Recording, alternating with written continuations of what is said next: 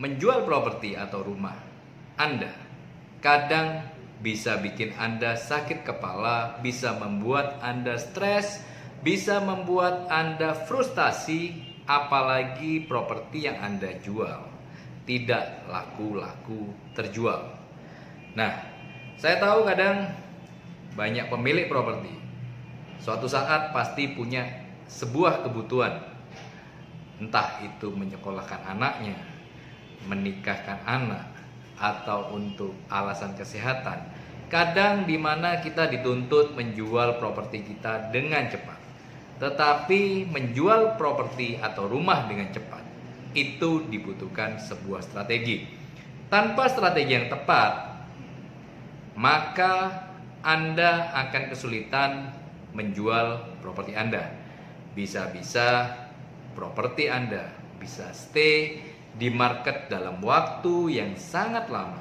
Nah, maka dari itu di video kali ini saya ingin membagikan strategi bagaimana Anda sebagai pemilik properti dapat membuat properti Anda laku dengan cepat.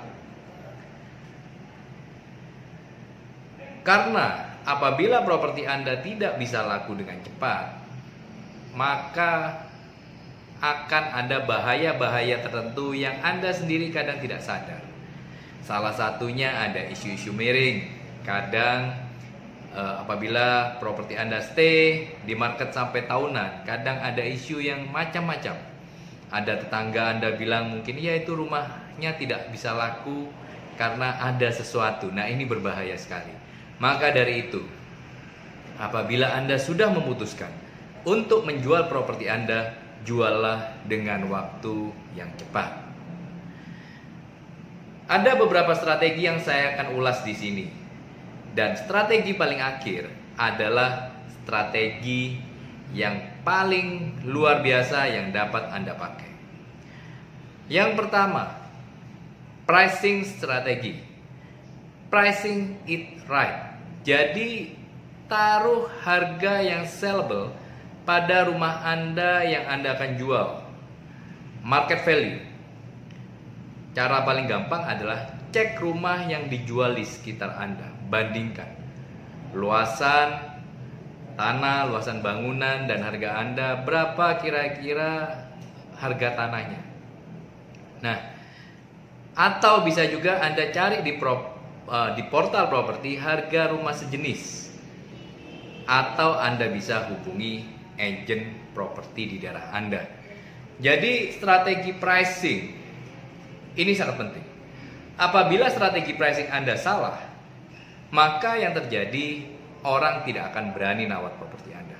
Saya baru saja uh, mensurvei sebuah properti dan harga yang diminta oleh penjual sangat-sangat mengagetkan saya karena dia berpatokan properti yang di sebelah dia harganya sekian M. Padahal properti itu sudah dijual 3 tahun tidak laku-laku. Jadi sering kali kesalahan dari penjual di dalam menjual properti adalah membandingkan dengan properti yang ada di samping dia, di depan dia. Tetapi dia lupa bahwa properti itu dijual dengan harga tersebut sudah waktu yang bertahun-tahun. Jadi strategi pertama, adalah strategi harga yang benar. Terus strategi yang kedua, bersinergilah dengan agen properti. Jangan antipati atau Anda menghindari dengan mereka. Karena agen properti yang profesional, mereka pasti punya yang namanya database. Mereka pasti punya cara yang lebih variatif daripada cara Anda sendiri.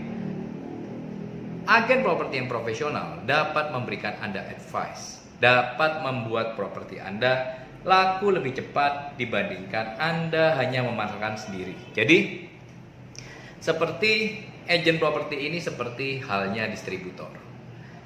Pabrik ingin menjual propertinya, mereka butuh yang namanya distributor. Mereka butuh yang namanya retailer. Nah, di situ adalah peran agen properti di dalam membantu Anda menjualkan properti Anda dengan lebih cepat. Terus strategi yang ketiga di dalam menjualkan properti. Make your house nice. Make your property nice. Buat rumah Anda bersih dan enak untuk dilihat. Karena rumah yang enak untuk dilihat dapat terjual lebih cepat daripada yang kelihatan suram dan kotor. Jadi, pembeli pada dasarnya membeli, memutuskan pembelian adalah berdasarkan apa yang mereka lihat. Kalau mereka melihat properti Anda nice, maka mereka akan ingin segera menawar properti Anda. Tetapi apabila rumah Anda rusak, kumuh, kotor, maka Anda akan mendapatkan penawaran lebih rendah atau mungkin mereka tidak akan menawar rumah Anda karena merasa bahwa rumah Anda kurang layak. Strategi yang keempat di dalam memasarkan properti. Target utama Anda di dalam menjual properti adalah tetangga Anda sendiri. Karena 60% pembeli datangnya dari sekitar Anda sendiri. Kadang orang berpikir datang kepada saya, Andi, saya pengen menjual melalui kamu kamu punya network enggak sampai seluruh Indonesia?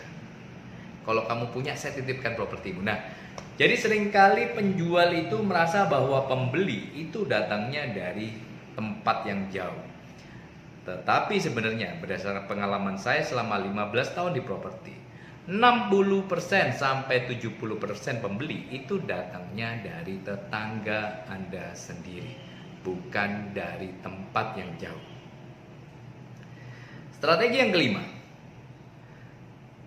Dan ini sering kali dilewatkan oleh penjual.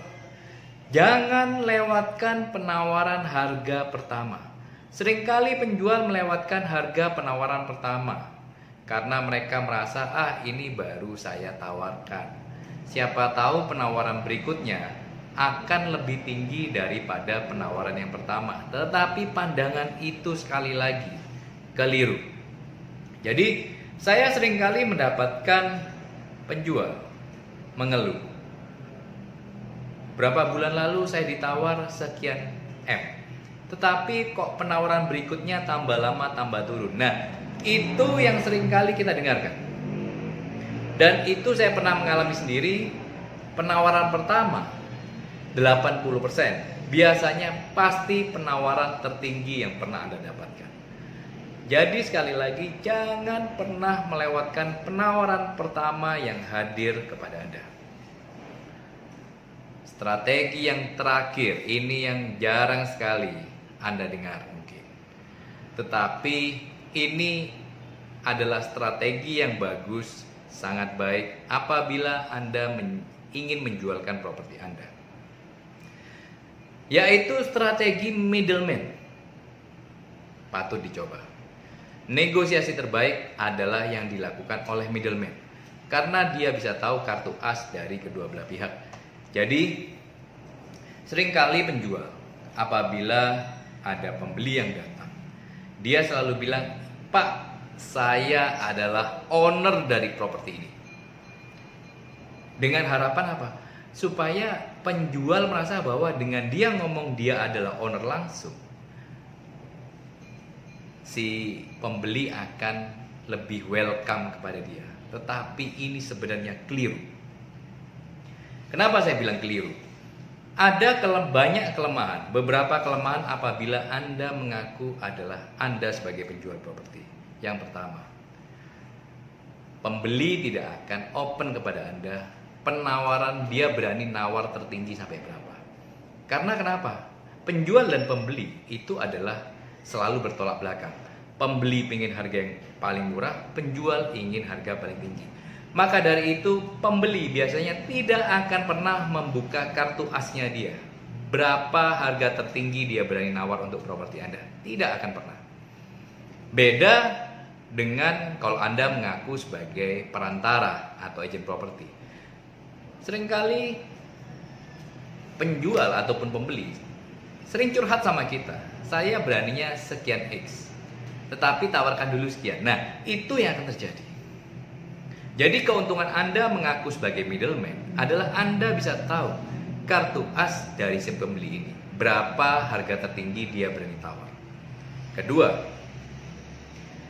kalau Anda mengaku sebagai penjual atau owner langsung, seandainya one day Anda follow up si pembeli, Pak, gimana eh, penawaran properti saya? Nah, begitu Anda follow up kepada si pembeli, pembeli akan berpikir, wah, si penjual ini butuh uang. Dan akhirnya apa yang terjadi? Harga Anda ditawar lagi dengan harga yang lebih murah. Nah, jadi strategi middleman ini bisa Anda coba. Dan saya pernah nyoba ini dan itu berhasil mendapatkan harga yang lebih tinggi. Bisa aja Anda ngaku, ya saya adalah relasi dari penjual atau saya adalah agent dari si penjual. Bisa saja. Nah, ini adalah 6 strategi yang Anda bisa pakai apabila Anda ingin rumah Anda atau properti Anda segera laku terjual. Semoga konten ini berguna bagi Anda dan silahkan mencoba. Thank you.